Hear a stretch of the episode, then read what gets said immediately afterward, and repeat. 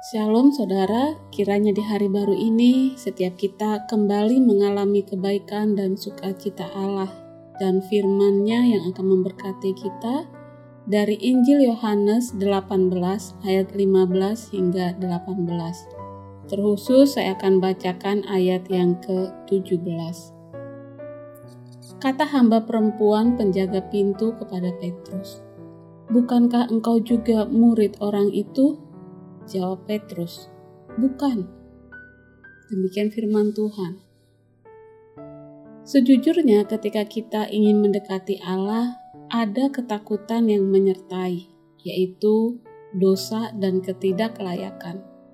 Namun, oleh kasih Allah, kini kita telah diberi keberanian untuk memasuki hadiratnya yang kudus.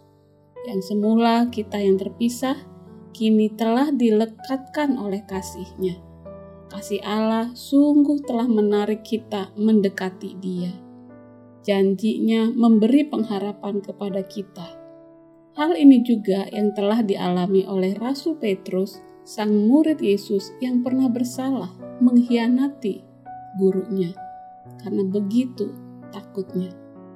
Saudara, Allah pun mendatangi kita pada keadaan kita masing-masing saat ini Inilah realita anugerah yang indah dan memberi pengharapan. Seandainya Tuhan menyuruh kita memenuhi standarnya, kita semua pasti binasa. Tidak ada contoh yang lebih baik selain respon Yesus kepada Petrus setelah ia menyangkalnya. Di dalam Yohanes pasal 21 dikisahkan, Sesudah sarapan, Yesus berkata kepada Simon Petrus, Simon, anak Yohanes, apakah engkau mengasihi aku lebih daripada mereka ini? Jawab Petrus kepadanya, Benar Tuhan, engkau tahu bahwa aku mengasihi engkau. Kata Yesus kepadanya, Gembalakanlah domba-dombaku. Kata Yesus pula kepadanya untuk kedua kalinya, Simon, anak Yohanes, apakah engkau mengasihi aku? Jawab Petrus kepadanya, Benar Tuhan, engkau tahu bahwa aku mengasihi engkau. Kata Yesus kepadanya, gembalakanlah domba-dombaku. Kata Yesus kepadanya untuk ketiga kalinya, Simon, anak Yohanes, apakah engkau mengasihi aku? Maka sedih hati Petrus karena Yesus berkata untuk ketiga kalinya, apakah engkau mengasihi aku? Dan ia berkata kepadanya, Tuhan, Engkau tahu segala sesuatu. Engkau tahu bahwa aku mengasihi engkau. Kata Yesus kepadanya, Gembalakanlah domba-dombaku. Sesudah mengatakan demikian, ia berkata kepada Petrus, Ikutlah aku. Seandainya ada orang yang kita pikir pantas ditolak Yesus selamanya, pastilah orang itu adalah Petrus. Bagaimana mungkin ia bisa menyangkal Yesus sekalipun sudah diperingatkan? Bukankah itu tak termaafkan? Ternyata tidak. Tindakan Petrus bukan gambaran ke ke kekalahan salib. Justru sebaliknya. Penyangkalan Petrus merupakan gambaran konkret tentang pentingnya salib Yesus Kristus dalam hidup kita. Kehidupan, kematian, kebangkitan Yesus memang perlu karena kita adalah orang-orang seperti Petrus.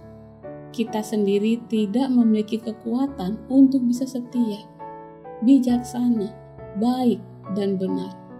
Kita tidak mampu menyelamatkan diri sendiri, dan kita memerlukan penyelamatan. Tanpa anugerah, kita berbahaya bagi diri sendiri dan orang lain. Tidak ada pengharapan, dan tanpa Allah, tidak akan terjadi. Jadi saudara, dalam anugerah yang luar biasa, Tuhan mendatangi kita pada keadaan kita saat ini. Tepat seperti yang diperbuatnya kepada Petrus.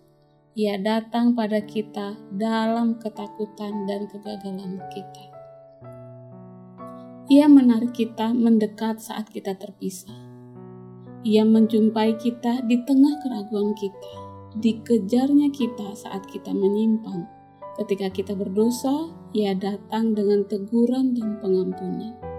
Ia menguatkan saat kita lemah dan memulihkan saat kita tidak setia. Ketika kita menyangkalnya, Ia tidak menyangkal kita. Ia datang pada kita saat kita pertama menerima keselamatan dan terus-menerus datang sepanjang perjalanan kita menuju kehidupan baru. Ia duduk bersama kita, meyakinkan kita kembali akan kasihnya, membuat kita mengasihi dia, dan dia mengutus kita untuk melakukan pekerjaannya. Tuhan tidak menunggu kita datang kepadanya, tapi Ia yang datang kepada kita. Itulah jalan anugerah. Tuhan sekali lagi memberkati kita hari ini. Amin.